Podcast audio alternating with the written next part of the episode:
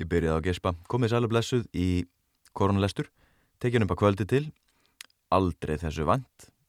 Ég, ég tek nú oft upp að kvöldi en fyrir fram að mér ég með árbók ferðarfélags Íslands frá 1973 og það er Svarfaðar Dalur og Gunguleðurinn fjöllin eftir Hjört E. Þorrensson og fleiri. Og þessir fleiri eru Helgi Hallgrímsson, Kolbeinn Kristinsson og Eður Guðmundsson en þetta eru þetta slóðir þar sem að uh, maður finna ímislegt áhugavert í landslægi og einstaklingum og sögu uh, miklir jarðskjáltar áður fyrr, gríðalög jarðskjálti uh, hérna gróf Daniel Brun Brun, Danin, sem að gerði mikið mikinn skurk hérna í fórlegamálum, hérna gróf hann upp fórn kuml. Þetta eru heimaslóður Kristjáns Eldjárns fyrirverandi fórsetta og Eifur, vinkona mín, hæ Eifur, það skildir heyri þetta og margt, margt fleira. Og merkilegt landslag, merkilegt svæði eins og bara öll svæði landsins auðvitað. En uh, höfundurinn Hjörtur E. Þorrensson var á þessum tíma árið 1973 bondi og repstjóri að tjörn. Hann rittar lýsingu Svarvaðardals og einnu um nokkra fjallvegi millir Svarvaðardals og nærlegjandi byggða. En við ætlum að stökka beint í í lestur og það er mynd í gróðum dráttum. Hann sem sagt hann tekur sér svona nokkus konar leiðsögumanns kennara hlutverk eins og svo margir uh, eh, rittöndar, uh, eh, höfundar árbóka ferðarfélags Íslands og hann byrjar á að lýsa hérna landinu, landslæginu í gróðum dráttum og það er sett fram sem A, landið og undan því reyndar er ljóðið eða hvað mann á að kalla það, þetta er einlína, innmilli fjallana, hér á ég heima. Kallast þetta ljóð? Ja, þetta er falleg lína. Eyjafjörður er lengstur og mjóstur okkar norrlensku fjarða. Frá línu sem dregin væri fyrir minni hans eru fullir 70 kílometrar inn á leirurnar þar sem Eyjafjörðar á rennulli sjávar. Eins og allir sjá sem líti á Íslandskortið er megin stefna hans frá hafi og inn til landsins nokkuð austlægari en í hásöður. Breytt hans frá hafi, hálfaleið inneftir er bísna jöfn eða millir 10 og 15 kílometrar. Þar likur Rísei á miðjum fyrði laung og mjó eins og fjörðurinn sjálfur, en snýr mjóri endanum til hafs. Rétt innan við eina verður fjörðurinn hvað breyðastur, þar sem breyð og bogadrein vík, Dalvíkin, olm bogar sig inn í vestur strandina. Er þá fullir 15 kílometrar frá víkurbotninum, þvert yfir fjörð í stefnu á innanverða látra strand. Innan við þessa línu verður fjörðurinn allur mjörri og mjókar því meir sem innar dregur. Upp af Dalvíkinni gengur dalur einn mikill inn í fjallendið. Þetta er svarfaðardalur, dalurinn sem þessi ritsmíð fjallar um. Þetta er dalurinn sem opnar okkur faðmsinn þarna, sem við stöndum á útsýni stað á rísa höfðanum, þaðan sem sér vítt til allra átta. Það er óþart að huga mjög grantað nattstöðinni hér. Við erum ekki stött í hafvillu. Þó er gaman að vita það að hérna rétt norðan við okkur, yfir þveravíkina, likur 67. breytar baugurinn en dalurinn sjálfur likur í norður söður stefnu mitt á milli 18. og 19. bauks vext lærar lengdar. Þetta er þó ekki nákamlega rétt frá sagt en það gerir náttúrun ekki smíðiskripi sína eftir mæli stokk okkar mannana. Megin stefna, dalsins, frá sjó er nefnilega ofur lítið vestlæg og sérstaklegst ef litið er á sjón skífuna eða ef skoðað er herfóringjaráðs kortið. Uppdráttur Íslands, blað 62. Nú skulum við horfa fram í dalin, en áður en meira er sagt verður að gera það ljóst að þegar við, sem hér búum, segjum fram dalin, þá meinum við upp eftir dalnum á móti áni sem rennur niður dalin eða út dalin og áfram út til sjávar. Bræi bendi Mattiasi heitnum jokkum sinni á tindastól þegar hann leita ráðviltur yfir skagafjörð og vissi ekki hvar skildi byrja. Ég vil byggja menn að líta á reglulega píramindalagaða fjallið sem rýs yfir miðjum dal. Þetta er Stollin, hið heilaga fjall Svartalinga, 1214 metrar á hæð, sem horfir svip hreitn yfir byggðina. Raunar er Stollin ekki eitt fjall, heldur tvö, og kemur það betur ljós síðar, en til samans mynda þau fremsta hluta mikils fjalls rana, sem skiptir dalnum framanverðum í tvær megin greinar. Austari greinin er skíðadalur sem heldur megin stefnu dalsins í söður. Vestari greinin heldur Svarvaðardals nafninu en snar beigir mjög til vesturs frammi á móts við stólinn svo ekki sér inn í hann neðan úr sveitinni. Það kemur mörgum ferðamanni á óvart að það skul ekki vera sjálfur Svarvaðar dalur sem þar blasir við og endar í fallum jökli sem til að sjá er eins og kvítur þrýrningur í dalbotninum. En svona er þessu samt farið. Það er skíðadalurinn sem fram í sér og jökullin er gljúfurár jökull í samnendum fjalldal fyrir framann byggðina. Vissulega mætti þykja aðlilegra að litið hefði verið á skíðadalinn sem beint framhald megin dalsins og hann látin halda nafninu sangant því og vestlægu greininni heldur gefið hann að nafn. En þannig litu þeir ekki á gömlu mennirnir sem fyrstir námu dalinn út deildu nöfnum og við það verður að sitja. Hér er rétt að taka fram að hinn fremri, vestlægi hluti sveitarnar er í daglegu tali oftast kallar framdalurinn eða svarfaðardalurinn með ákveðnum greini og þeir sem þar búa framdælingar eða framsvarfdælingar. Svarfaðardalur er ekki ekki langur dalur. Vegalengdin frá sjóm fram á fremsta bíli er aðeins 20 til 25 kilometrar. Lítið eitt er lengra fram á byggðarenda í Svarvaðardalnum heldur en Skíðadal en það er byggðin mjög eitt þar í botninum svo sem síðar mun sagt verða. Hins vegar er dalurinn breyður vel, dalbotnin 1-2 kilometrar á breytt, allalið fram að dala mótum en það er meir en 10 kilometra vegalengt. Mjög er dalbotnin halla lítill, 20 metra hæðar línan nær allalið framundir dala mótin norðan við tungurnar en svo nefnist víðáttum mikið hrísmóa svæði norður undan stólnum sem endar í bröttum melum er mynda endimörk hins sletta dalbots. Það þarf svo sem ekki að líta á kort til að sjá hver hallalíti landið er. Það nægir að horfa ána og veita því aðtekli hver erfiðlega henni verist ganga að komast leiðar sinnar til sjávar. Hún slagar sitt á hvað í breyðum, mjúkum bugðum til að komast áfangastað í örmum hafsins við hálshornið austast á bökkvistaða sandi. Hún líður fram, breið og liggmilli gróana bakka, en það gætir í henni flóðs og fjöru, allarleið fram í Helgafells híl, fjóra til fimm kílometra frá sjó. Þar fyrir framann vottar fyrir fyrstu strengjum í áni, en þó er það ekki fyrir miklu framar, millu hofs og grundar, sem eirar farað myndast, svo nokkur er nemi. Framan við ármótin eru báðar árnar, svarfaðardals og skíðadals á, miklu ströymstríðari og renna á eirum og er svo síðast nefnda nokkuð laus í rásinni eins og all tít er um dala dætur. Og svo er hérna tvær ljósmyndir á árnum flettum, það er Háls og Fjöllin Norðan Dalvíkur í heiðskýru veðri og Tjörn Kalbakur í baksín og ég held að efri myndin, það verið skára á vatnið, ég ætla að segja að sé norðan, norðan vindur, beint frá Íshafi, Dumbshafi en áframelesturinn. Fossar eru hins vegar alls engir í Svarvaðardals á fyrir en komið er framundur upptökennar upp undir Helgjardals heiði langt framann við byggðar enda. Í Skíðadalsá er aftur á móti fossar fram í afréttinni sem síðar verður líst. Þeir sem koma að Svarvaðardalsá og horfa í vatnið munu sjá að hún er aldrei alveg tær. Þetta þarf ekki að koma óvart ef menn hafa áður lítið til fjallana og séð allar fannirnar sem skreita þau jafnvel á síð sumri. Af þessum fönnum og smá jöklum nærast allar þver árnar sem steipast ofan úr fjöllunum og mynda í saminningu Svarfaðadals á. Þessar þverár eru flestar eitthvað litaðara fjallaleir, sumar lítið, aðra meira, en gruggust er jafnan gljúvráin í Skíðadal, en það kemur hún úr stærsta jöklinum, gljúvrárjökli, sem áður er nefndur og blasir við frá Dalvík og úr niður sveitinni vestanverðri. Margar eru þær þver árnar sem leggja saman til að mynda svarfaðardals á og sennlegt að tellja þar allar upp, en oft álita mál hvað er á og hvað er bara stór lækur. En marga þeirra eru þó óumdelanlega ár, en það nefndar svo í daglegu tali. Við höfum þegar farið yfir hína fyrstu þeirra, hálsá, sem saminast dals áni, skamt frá árminninu.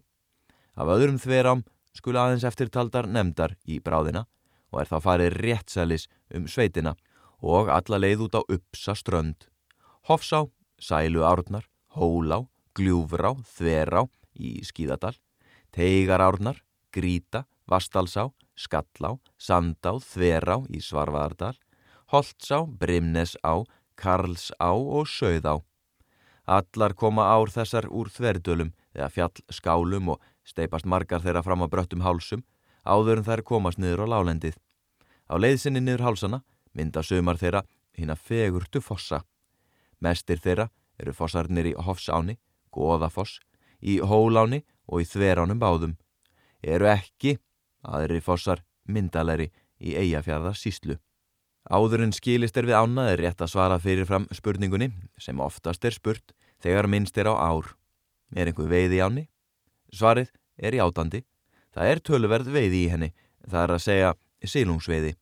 Svarvardals á er góð bleikju á, en lagsá er hún ekki frá náttúruna hendi, fremur en aðrar ár sem til eigafjörðar falla. Fiskirættafélag landeganda og veiðifélagið Fossar og Dalvík hafa um nokkurt skeið skipulagt veiði í áni og gert tilrunir til að koma lagsi í hana. Er enn ekki sínt hver árangur að því kann að verða, en sömari 1972 veitust þó tíu lagsar og má vera að það sé byrjun á öðru meira. En hvað um það? Bleikjan er líka fiskur og það góður fiskur og af henni hefur veist fyrðu mikið söm undanfærin ár, allar götur fram í dala botna. Þá á eftir að ræða um það í svarfdalskri nátturu sem trúlega vekur mest aðtikli ferðamannsins en það eru fjöllin. Dalurinn er um luktur háfjöllum. Engin sem fara vill burt úr svarfaðardal landleiðis án þess að fara þjóðvegin inn með fyrði eða út fyrir múlan kemst hjá að preka í 850 til 900 metra hæð hver vel sem hann leitar fyrir sér að lágu skarði. Þegar svo erum skörðin má geta næri að hnúgarnir sjó háir en það er það svo. Vestan megindals, allt frá Ólarsfjörðar múla og fram á Heljardals heiði, er óslitin fjallkeðja með einstökum hnjúkum 1000 til 1200 metra háum. Verða þeir nefndir síðar þegar við förum í nákvæmari kynniðsferð fram í dalin. Hærri eru samt hnjúkarnir, báðum einn skíðadals. Fjölmargir hnjúkar eru þar 1300 til 1400 metra háir. Hæstur er Día fjalls hnjúkur á kortinu saður 1421 meter á hæð, á fjallsekkinni Norðan Hólardals sem þeim eigin kallast reyndar Klængs-Hólsdalur eftir jörðinni sem Norður held dalsins likur undir. Hér verður að geta þess að svo virðist sem herfóringjar ás kortið sé verulega ónákvæmt, bæði að því er varðar hæð fjalla og ekki síður nöpp þeirra, að minnstakosti á þeim slóðum sem hérum ræðir. Sangant nýluðum amerískum kortum er til dæmis Díafjalls hnjúkur talinn 1456 metra hár og annar hnjúkur á sama fjallsrygnum, Kvarnárdals hnjúkur 1448 metrar. En sangant herfóningeráskortinu, sjáblað 62, er hann aðeins 1379 metrar. Sé ameríska kortið rétt, þarf Kvarnárdals hnjúkur að fá uppreist næru, ofnberlega. Enda þótt hann sé eftir sem áður, talinn örlítið læri en bróðir hans, Díafjalls hnjúkur, Þá tekur hann honum langt fram að tygnarleika og blasir auk þess við neðan úr dalnum, þar sem hann gnæfir, nakka kertur fyrir miðum kvarnar dalnum. En það er lítill dalur, lítið meira en fjallskál, hátt upp í fjallinu, innan og ofan við klængs hól. Mikill rugglingur er líka á fjallanöfnum á þessu korti, reyndar er fjöldin allir á hnjúkum hér um slóðir, engum fyrir framann byðina sem allsengin viðurkend nöfn eiga sér. Önnur fjöll nefnast fleirun einu fjalli, eða þá að sama nafnir notað á fleirin einn hnjúk. Það er því alls ekki að undra þótt æði mikið sé af skekkjum og vafa atriðum á kortinu, en það er það svo. En hvað um það? Þarna eru fjöllin, fögur að há, hvað sem öllum nöfnum líður, mörg þeirra um með að rétt innan við 1400 metrar. Ólík eru þau að útliti, sum eggföss, önnur flötað ofan, sum snar brött, önnur með aflegandi undir hlýðum, sum skriðu runnin niður undir á, önnur algróin upp undir ekjar. Öll eru þau samt tiltölu auð kleif, að minnst okkosti ef menn kunnað velja sér bestu leiðin allu uppgöngu. Annað mál er það að ekki er víst að fjallgöngumadurinn hljóti þá útsinni í erfiðislaun sem hann hefur vænst af svo háum tindum. Það stafar auðvitað því að þetta fjall lendir um lukt af öðrum og víðóttum er fjalla heimi nálega á alla vegu. Þó sjást háfjöll í mikilli fjarlægð af öllum hæstu hnjúkum, herðubreið og jöklarnir í söðri, strandafjöll í vestri, ef skeikni er gott, grímsei og sjálft Ísafið í norðri. En þótt útsinn sé takmörkuð til fjarlæra staða, þá er hún þeimun mikilfenglegri yfir hinn að svarfdalsku byggð. Ég ætla aðeins að hérna, stökka yfir nokkru hluti, hérna talað um stólinn og, uh, og það er aftar og herri tindur stólsins, hann heitir réttu nafni Kerling uh, og er 1214 metrar á hæð, besta uppgöngu leið og þennan fágæta en jáfnframt fáfarn og útsýni stað, það er sem sagt stólinn, er frá bænum Melum. Uh, fáförl þarna uppi, það er vist enginn komið, ekki margir komið þarna í um 30 ár þegar að hópur ungmenna fór þarna upp 1971, hópur úlinga minnum að það ég fór í uh, snjóbrettaferð æðislega snjóbrettaferð til Dalvíkur þegar ég var 14-15 ára. Þegar mann að þegar Arnar og Hatti Junior fóru hækuðu lengst upp í fjall og, og rendu sér niður eitthvað svakalega brekku og fengið að heyra það þegar þið komið tilbaka þetta var skemmtileg ferð. Og ef einhver ykkar af strákonum elsku gamlu félagar og vinnir úr Garðabænum heyrið þetta þá bara heilsa ég einhver öllum og þakka fyrir æðislega ferð. Back in the days fyrir lungu lungu síðan. En áfram með lesturinn. Uh, já við förum yfir í byggðina. Förum yfir í byggðina. Endimörk Svarfaðadals eru mjög svo náttúruleg Á hámundarstaða hálsi austanverðum eru landamerki bæjana háls og stóru hámundarstaða. Þau landamerki eru jáfnframt mörkin á meðlega Orskós strandar reps og núverandi Dalvíkur reps. Íst í Ólasfjara múla, þar sem heitir Ófæru gjá, eru svo mörkin á móti Ólas fyrði. Að öðru leiti ráða svo vatnaskil endi mörkum dalsins móti öðrum sveitarfjölögum í Eyjafjörðar og Skagafjörðar síslum. Svo lína er bæði laung og krókótt og likur allstaðar eftir eggjum og skörðum háfjalla. Innan þessar endimarka eru nú tvö sveitarfélög, Svarvardals reppur og Dalvíkur reppur sem tilvarð árið 1946. Í þeim reppi er sjálf Dalvík, svo nokkrir sveitabæir og uppsaströnd og neðst í dalnum. Reppamörkin eru annars þannig á austan ár tilhera Dalvíkur reppi bæirnir tveir, Hrísar og Háls sem báðir eru norðan þar að segja sjávar megin við þjóðvegin. Að vestan eru mörkin nokkur framar, þar að segja við Holtsána millir bæjana Ytra og Siðra Holts. Frá fórnu fari hafa verið fjórar kirkjur og kirkjusóknir í Svarvaðardal. Vallasókn sem tekur yfir allan austur kjálkan og mestan hluta skíðadals. Urðasókn sem næri yfir hluta skíðadals og allan fram Svarvaðardal niður á þverá. Tjarnarsókn sem næri yfir mestan hluta vestur kjálkans niður að Ytra Holti. Að síðustu Uppsasókn sem tekur yfir núverandi Dalvíkur repp að austan bæjónu tveimur og ytra holti undan skildum. Þessi sóknar skipan helst en að öllu leiti enda þótt kirkjan á uppsum sín og aflögð og önnur risin í hennar stað á Dalvík. Nafninu Uppsa sókn heldur hún þó eftir sem áður. Þó að íbúar Svarfaðadals repps hafi þannig þrjár kirkjur á móti einni kirkju Dalvíkinga þá er sáluna hlutfallið alveg öfugt. Þar eð í nýja reppnum eru nú 1100 íbúar en í móður hreppnum, Svarfaðadals hreppi, aðeins 330. Begðin í dalnum er mjög regluleg. Bæirinnir standa í röð millir fjallsróta og hins flata votadal bots. Slík skipan begðar er eðlileg af því um dal er að ræða og hún er mjög svo hafkvæm. Engin bæir stendur langt frá þjóðveginum, lagning síma og ramags verður sérlega auðveld. Hér við bætist að dalurinn var frá fórnu fari og er endar enn í dag mjög þjættbíl. Gömul vísa sem margir kunna setnipartin af, hljóðar svo. Eitt sinn hittust hrappn og valur, hvor var öðrum fegin, þá var setin svarfaðar dalur, sinn fló hvorum megin. Orðatiltækið hér er setin svarfaðar dalur, er annarkvort fengi úr þessari vísu, ellegar að vísan er sett saman með hliðsjón af orðatiltækinu. Hver sem merkingin annars er í þessari skringilegu vísu, þá eru orðatiltækið jafnan notað um það þegar þröng er á þingi og verist benda til þess að þessi sveit hafi lengið þótt þjætt setin. Og þjætt bíl er hún enn í dag. Á laungum köplum eru túnin samlæg, báðu megin árunar.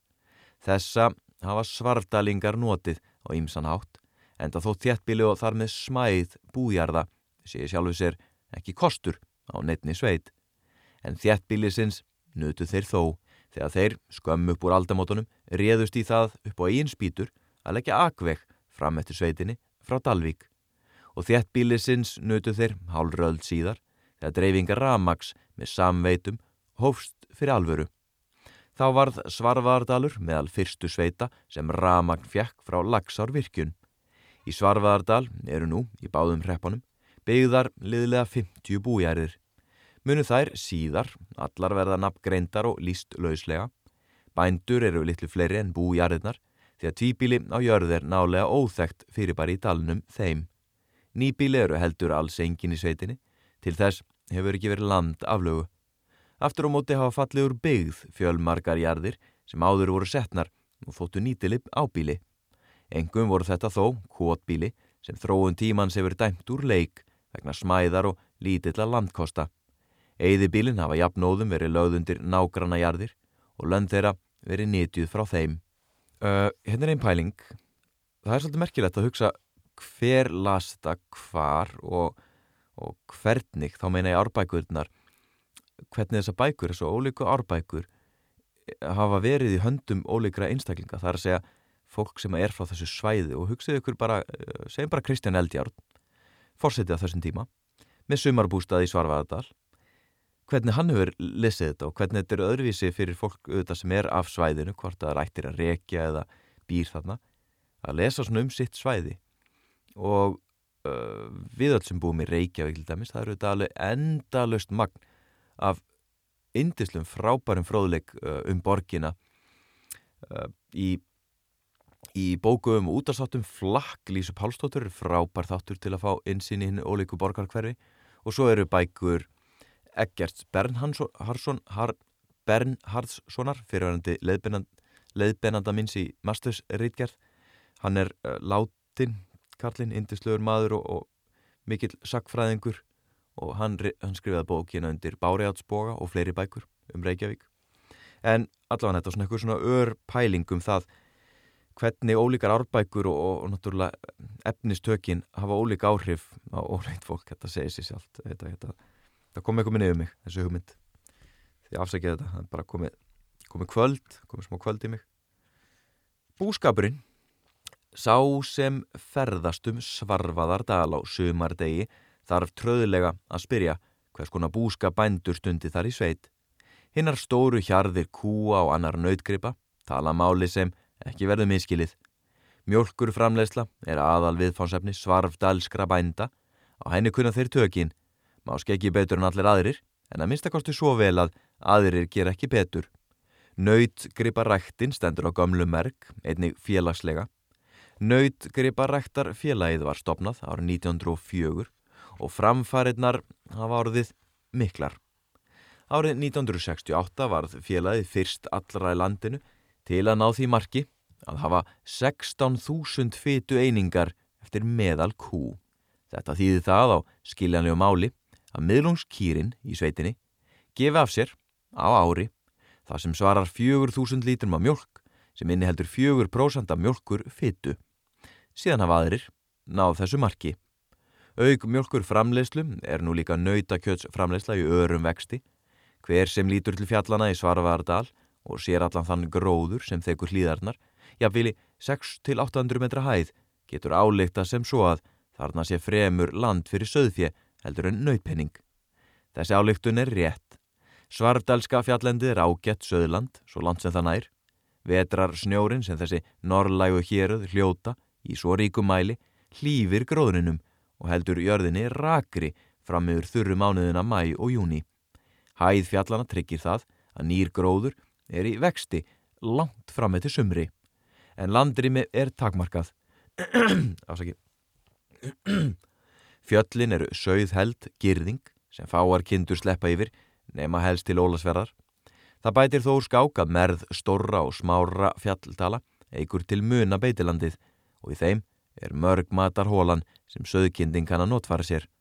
Söðfjár rækt er því talsverði svarfaðar dal, enda þó hlutur hennar í tekju öflun bænda sem miklu minni en nautgripa ræktarinnar.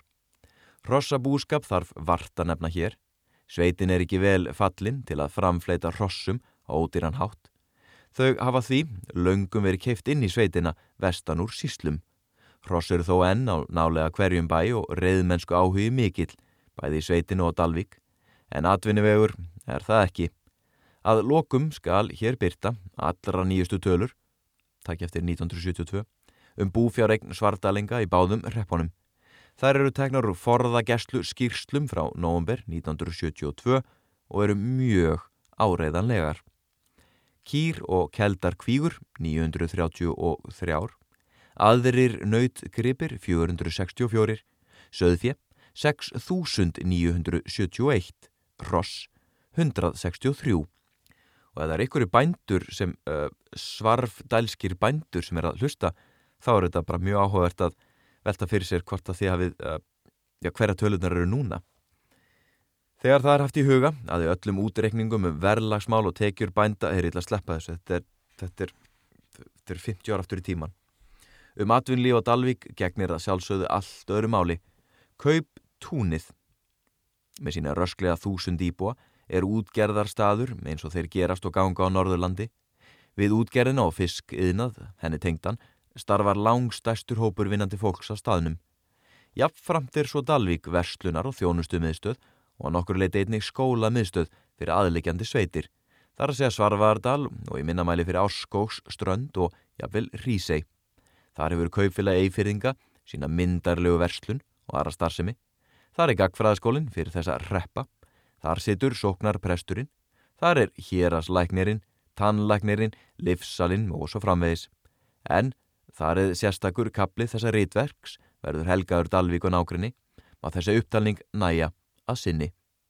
En til þessa gesturinn megi átta sitt áliti betur á stöðu byggðarlagsins og er það áttið báða reppana sem svardalir byggja, fylgir hér stutt upptalning á hennum félagslegu tengslum innbyrðis og út á við.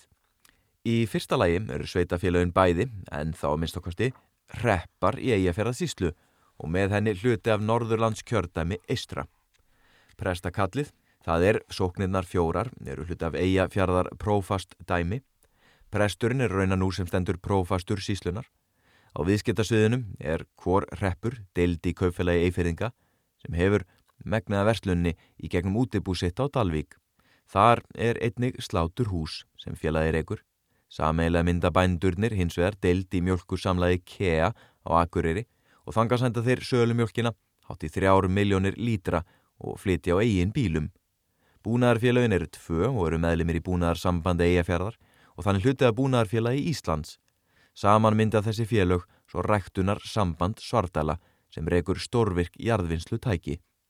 Ungmennafélagin Alli og Þorstein svörfuður í Svarvardal og Ungmennafélag Svardala og Dalvik eru einingar í ungmennasambandi eigafjörðar UMSE og kvennfélögin Tilraun í Svarvardal og Vaka og Dalvik eru í sambandi eifirskra kvenna.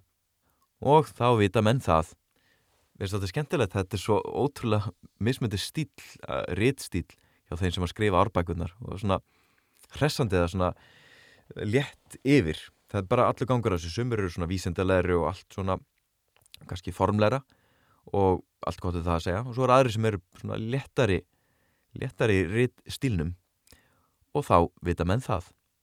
Herru, við förum yfir í vegakerfið. Það eru um það byrju vika síðan að ég var með lestur sem var frá Istu ströndum og ég byrjaði þann lestur á því að tala um námskeið sem ég satt endur mentun aðtunubílstura og það námskeið, 1 af 5 hafði bara eiginlega verið að rauna yfir ástand vegamala á Íslandi. Þótt ímislegt að veri gott gert þá er ástandið hrikalegt. Þannig að það er hrikalegt mörguleiti mér að koma hún bara vegrið og annað slíkt er í já, þetta hefði þetta að vera, vera reyði lestur yfir sko yfir hérna yfir þingmönnum held ég, yfir þingi frekar en, en atvinnubílstjórun sem er allir atvinnulisir þess að dagana. Vegakerfið. Með því að ætlunin er að fara í all vandaða kynnisferð fram í sveitina er skinsanlegt að enda þessu lauslegu því lýsingu á því að gera grein fyrir vegakerfinu í dalnum og reykja okkur það áfram frá þessum stað, rísa höfðanum, þar sem við þykjust hafa staðið allan tíman meðan þessi leksja var meðtekinn. Svo sem áður er sagt, likur Ólasferðavegur þvert yfir minni Svarvaðadals, yfir dals ána, likur hann á henni gömlu og glæsilegu brú sem byggð var árið 1928 hjá gamla læknisbústanum Ár gerði. Þar beir vegurinn til norðurs gegnum endilant Dalvíkur Kauptún yfir Brimnesána á Nýrri brú. Þá norður eftir endilangri uppsaströnd og fyrir Ólasfjörða múla. Allt nýr vegur og ákettur þegar snjór ekki hamlar. Þetta er einn fjölfarnasti vegur á Norðurlandi en það tengir hann saman mesta þjettbílis svæði fjörðungsins, Akureyri, Dalvik, Ólasfjörð og Siglufjörð og flytur þar auki sívaksandi þunga túrista umferðarinnar. Af Ólasfjörðavegi likja tvær greinar þjóðvegarins fram í Svarvaðardal, vestari Alman, Svarvaðardalsvegur, greinist frá skamt vestan við Dalsanna, undabil einum kílometra sunnan við Dalvíkur Kauptún. Síðan likur hann fram, allan vestur kjálka og beigir með dalnum til vesturs inn í framdalinn, alltaf skallá, gengt fremsta bænum í dalnum, Koti. Hjá klaufabrekkum í miðjum framdalnum likur grein af Svarvaðardals vegi yfir ána á brú heima hæringsstöðum sem er miðbærin af þremur bílum sem hafa vega samband eftir þessari leið. Þeir á milli likur svo síslu vegur. Hinn greinin er skíðadalsvegur sem greinist af Ólasfjaraðvegi skamt fyrir hann heimriðina Hrísum. Þessi vegur likur fram allan austur kjálkan fram á kvarfið svo kallaða í minni skíðadals. Þar snar beiran niður að skíðadals ánni og yfir hanna á brú. Þaðan likur hann fram skíðadal, vestanverðan, fram yfir þeirana og er þá komið í land eðigarðarnar Kongsstaða. Þar þver beigir hann aftur austur yfir skíðadals ána upp á vegamótin millir fremsta og næst fremsta bæjarins í dalnum. Það að segja klængs, hóls og njúks. Þessi grein tengir bæina tvo og hlýð að auki við vega kerfið. Á milli þessara þryggja bæja er svo síslu vegur. Látum þetta gott heitið af uh, vegamálum þarna. Svo er það uh, kaplin, kapli fjögur um gróðurinn, grængandi dalur góði, gleði minn býr hjá þér. Tökum þetta byrjun á hann allavega. Hver sá sem kemur í Svarvaðardala sömarlægi lítur að veita því aðtegli hver vel land er þar gróið. Gróðurlöst land, melar eða skriður, sjástar vart á lálendi. Sjálfur er dalbotnin samfeld gróður breyða en það er ekkert einstæmi um norrlenska dali. Hitt er sjálfgefara að sjá hver samfeldur gróður tegir sig víða hátt upp eftir hlýðum fjalla. Á nefam að þakka það miklum snjóð þingslum og vetrum hver gróður er grósku mikill upp eftir öllum fjöllum. Ingimar Óskarsson, grasafræðingur sem fættur er og uppalinn á Klængs-hóli, nú fremsta bæi í Skíðadal, hefur allra manna mest rannsaka gróðurinn í Svarvaðardal. Árið 1937 byrtist eftir hann í dönsku grasafræði tímariti Botanísk tíðskrift, réttgerðum Flórudalsins, byggð á aðtöðunum hans þar sömari 1931 og fyrr. Ingimar kemst að þeirri niðurstöðu að júrtaríki dalsins sé fjöl skrúðútt og, og standi sísta baki eigafyrðunum sjálfum í því tilliti. Hann telur að tegundir, innfætra háplantna, sjö alls. Giskið. Koma svo, giska. 262. Sumar mjög sjálfgjafar. Þar að ekki sjö margir slæðingar sem nú, 30 árum síðar, munu sumir hverjir vera taldir hafa unnið sér full borgara réttindi. Eins og nærum á geta er hér að finna einkennisjurtir, hérna ímsu hæðabelta yfir sjó, allt frá fjöru upp á efstu hnjúka í 1200-1400 metra hæð. Þannig hafa fundist 35 tegundir, æðri jurta í meir en 900 metra hæð, þar af nokkrar og allra efstu tindum. Þegar litið er á niður sveitina eru hinnar grósku miklu, vot lendu engjar áberandi. Nú eru þar engum nýtjar til kúa beitar á nokkrum jörðum í dalnum neðan verðum, aðala hrísum, skaldalæk og sökku að austan, böggvistöðum, hrappnstöðum, yngvörum og tjörnað vestan. Á þessum jörðum eru djúpir kílar, vaksnir stórvaksnu ferginni, equisetum fluviatil, en það er stóri bróður eldingana. Sá er meðal annars munur á þeim sískinnum, auk starðarmunarins, að þar sem kýrnar hafa megnast að viðbjóð og eldingu, þá hafa þær ástriðu fulla list á ferginni, hvort heldur það er blöytið að þurkað. Áður fyrr var það líka heijað í stórum stíl handa kúnum og hefur margur miðaldra maðurinn sem nú er staðið í því stríði að slá fergin langt undir vass yfirborði, íta því saman í hauga, móka upp á sleða og aka á þurkvöll. Allt slíkt er nú liðin tíð. Allt slíkt er nú liðin, liðin tíð. en vitið hvað það svo margt búið breytast á 2000-öldinni að uh, eldri kynnslóðin eins og fólki sé að vinna með á hrafnustu fætt upp úr 1930 að þetta er einstakleika sem hafa upplifað gríðalega breytingar og muna bara mjög skýrt sko uh, ramags skömmtun og bara já sagt, veruleika sem er okkur gjörsanlega framandi. Okkur hérna nútíma IKEA, Costco 24-7 verslunar kynnslóðinni luxusin og þægindin og kannski heimtufreikjan kannski er þessi luxus búin að svona uh, gera okkur of, nei ég ætl ekki að fara þessa ég ætl ekki að fara út í þessa salma. Klukkan er ómikið til að fara að pretika hérna. Engin pretikun Víðáttu meir eru samt starar, engjarnar og ná lengra fram í dalin Mestar eru þær á þeim bæjum sem hér voru nefndir í sambandi við ferginnið. Einnig eru á grund, miklar starar engjar, en þar er landið þó tekið að hækka lítið eitt og þorna, en það er störin líka orðin smávaksnari og nokkur leiti annara tegundar heldur en ríkjandi er á neðsta og lægsta hluta dal botsins. En vorflóðin breyta dalnum, ofti myndarlegasta fjörð, það sem uppústanda hrísahöfðu og ingólshöfði eins og eigjar úr hafi. Það er svo ágæta jurt Gulstörin eða bleikjan sem ræður í ríkjum á þeim starar engjum sem fegurstar eru og frjósamastar í dalnum. Carex limbei heitir hún á latinni og hvað vera komin hinga til lands frá Ameriku norðan verðri þar sem hún er mjög útbreytt. En í Európu fyrirfinnst hún ekki utan hér á Íslandi og lítið í færium. Það er mikil blessun að þessi starategund skildi slæðast hinga í fyrindinni því að hún hefur gert landið miklu betra en ella sem búfjárræktar land og þannig orði íslensku þjóðinni til stormikils gags í lífsbartunni hér í þessu harða landi. Ekki samt ætlunni með þessum lofsyrðum um guðlstörina að kasta nefni rýrð á litlu sýsturinnar, mýrastörina, Karex nýgra. Hún vexi yfirleitt á þurrara og ófrjóra landi en hefur samt átt mikinn og góðan þátt í heiöflun þjóðarinnar fram á okkar daga þótt túngrösin hafi nú að mestuleiti listan af holmi og allra síðustu tímum.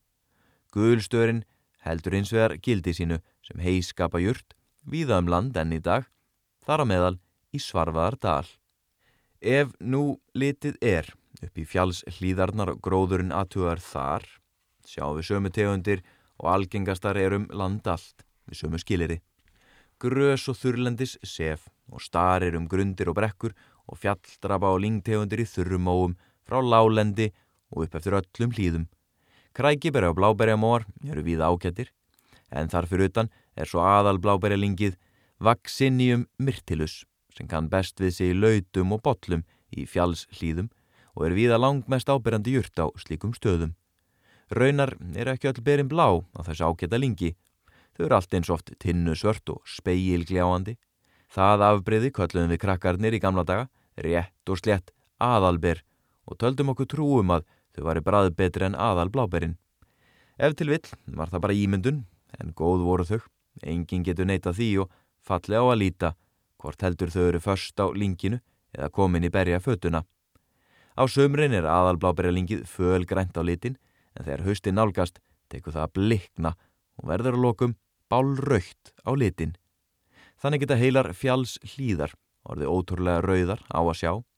Sá sem kemur upp á hámundar staðarháls í septembermániði og horfir yfir böggvistaðahlýðina ofan við Dalvík, fær að sjá eitthvert hið rauðasta land sem séð verður á Íslandi. Það myndi mörgum þykja óeðlilegur litur á landi ef þeir sæju það á málverki, en það er þó þeir sem ekki þekkja aðal bláberja lingið, þessa dásamlu norrannu jurt sem enda best kann við sig á allra istu skæklum landsins svo sem begja vegna eigafjörðar á vestfjörðum og söður eftir austfjörðum. 42 mínútu komnar. Uh, ég ætla að segja þetta gott og ég ætla bara svona aðeins að vekja aðtekla á því kveikja aðeins þessu hugmynd. Ég vinn með fólki sem er allstaðar að á landinu, uh, sömur auðvitað úr bara Reykjavík, ekkit bara, þetta er úr Reykjavík, en margir eru ættaðir og ólust upp víða, til dæmis í Svarvæðardal og vestfjörðum og víðar og það er eins og tala bara um sko gerðdægin þótt að minni sé verulega að fara að raka þá er fortíðin einhvern veginn alveg svo ótrúlega nálag í minningu þeirra. Og þannig að þegar við tölum um þeirra uppeldi og æsku þá er það allt skýrt. Og náttúran og landslægið og upplifanir í landslæginu eru mjög sterkar. Og að heyra svona lýsingu á landslæginu þarna eins og oft er í árbúkonum minnir maður svolítið á það eitthvað með hversu, hversu stóran hluta lífsins eða svona já bara hverstagsins, sömar, vetur, voru og höst er maður innandira núna í tölfunni og gláp á sjómarbu og allt þetta uh, og hversu mikið er maður utandira og svona þannig að hvaða minningar er maður að búa til? Hversu mörg hversu marga eh, berjamó hefur maður farið í, segjum maður það hversu marga berjamó að uh, hversu oft hefur maður leið bara í, í fjálslíð eða í laud eða farið í laudartúr þið skiljið, hvað sem er. Setið bara út á löganis og hort út á sjó. Þetta er svona, ég veit þetta hljóma svolítið svona hippa eitthvað eitthvað núvitunda dæmi sem þetta alltaf er. En það er alveg gott og gilt að hugsa um þetta. Sérstaklega þessi lít út á gluggan og það var að klára hérna klára solsetrið og það speklast svoleiðis eldraugt appinsinu gullt í, í uh, glugganum á Hilton hótelinu sem að núna er nú bara tómt fyrðulegi tímar en heyrðu, ég ætla að láta þetta gott heita ég er því miður ekki með umhverfisljóð uh, ég kannski fer í hardiski minn og finn gömul hljóð sem ég tekið upp á Zoom upptökutækinu minu síðustu tíu ár. En núna á þessu ári uh, eða síðustu sex mánu er ég búin að taka upp á svona alvöru hljóðupptökutæki. Mix Pre heitir það. Og með mjög góðan fínan mikrofón þannig að upptökurna sem þið heyrðu í síðustu tveimur lesturum er úr því en gamlega góðu Zoomin er ágætur þannig að ef ég finn einhverjar upptökur hérna og þann að landinu á ferðalögum mínum þá kannski næja að smetla þeim inn. Ég á eitthvað, ég á nú detti foss og eitthvað annað þannig að við finnum árbók þaðan. En ég þakka fyrir og eins og þið sjáu við erum ekki komin nema á blæsið 30 þannig að það er margt ólesið og óumfjallað óumfjallað. En vonandi umbeðið síðar meir þannig að það getur vel verið að við lesum meira hérna ég ætla að lesa hérna fyrstu setningarnar úr undirkabla sem heitir framhlaup og þá endur við þetta Þegar Ísaldarjöklarnir hurfu úr dölunum hafðu þeir hóla þá niður og grafið þannig úr undustöðum sumra fjallana, engum á dalamótum. Þar sem veilur voru fyrir í berginu, hlauti svo að farað berg fyllur, stiftust undan þunga sínum niður í dalina. Fyrirbæri þessi kallast framhlaup eða fjallhrun, einni berghlaup. Minjar um slíkar náttúruhamfærir eru óvíða meiri, nýja greinilegri en í svarfaðardal og setja þar víða mikinn svip á landslægið. Svona, það er ekki meira þetta, bara aðeins að vekja smá einsinn í það. Herri, ég þakka kærlega fyrir hlustunna. Uh, ég náttúrulega búin að gleyma, kikið á Facebook síðuna. Það eru 50 followers á Facebook síðunni, kannski eru ekki nema 5 að hlusta, kannski eru 50, kannski eru 500. En komið mér nú óvart og kikið á Facebook síðuna og likeið á hana vegna þess að þetta er svona, þetta er þannig síða að Facebook er alltaf að selja mér auglýsingar, sko, láta mig auglýsana, þannig ég náðu til ykkar. En hjálpið mér að brjóta þetta þennan víta ring og sínir mér að hægt er að bæta við fylgjendum en á Facebook síðunni ætla ég að setja upp myndir uh, ljósmyndir með auðvitað nöfnum ljósmyndarna úr árbókonum og fyrst mun ég setja upp mynd sagt, uh, án án staðsetningar. Þannig að það, hver mynd verður upp í smá tíma þannig að þeir sem fylgjast með þeir geta svona leikið sig að því að giska eða, eða bara segja hvaðan myndin er. Ekki bara prófa það, gera þetta svona smá vettvangi. Eða er ekki komin einn fleiri sveit, likes á síðuna og engin að gíska á ljósmyndunar eftir nokkra daga þá held ég bara samt áfram. Þrjóskast við. Ég kveði ykkur all svartalinga, reykvíkinga uh, Íslandinga, útlendinga hvert sem er bara og byggði ykkur góða nótt og takk fyrir hlustana, verið bless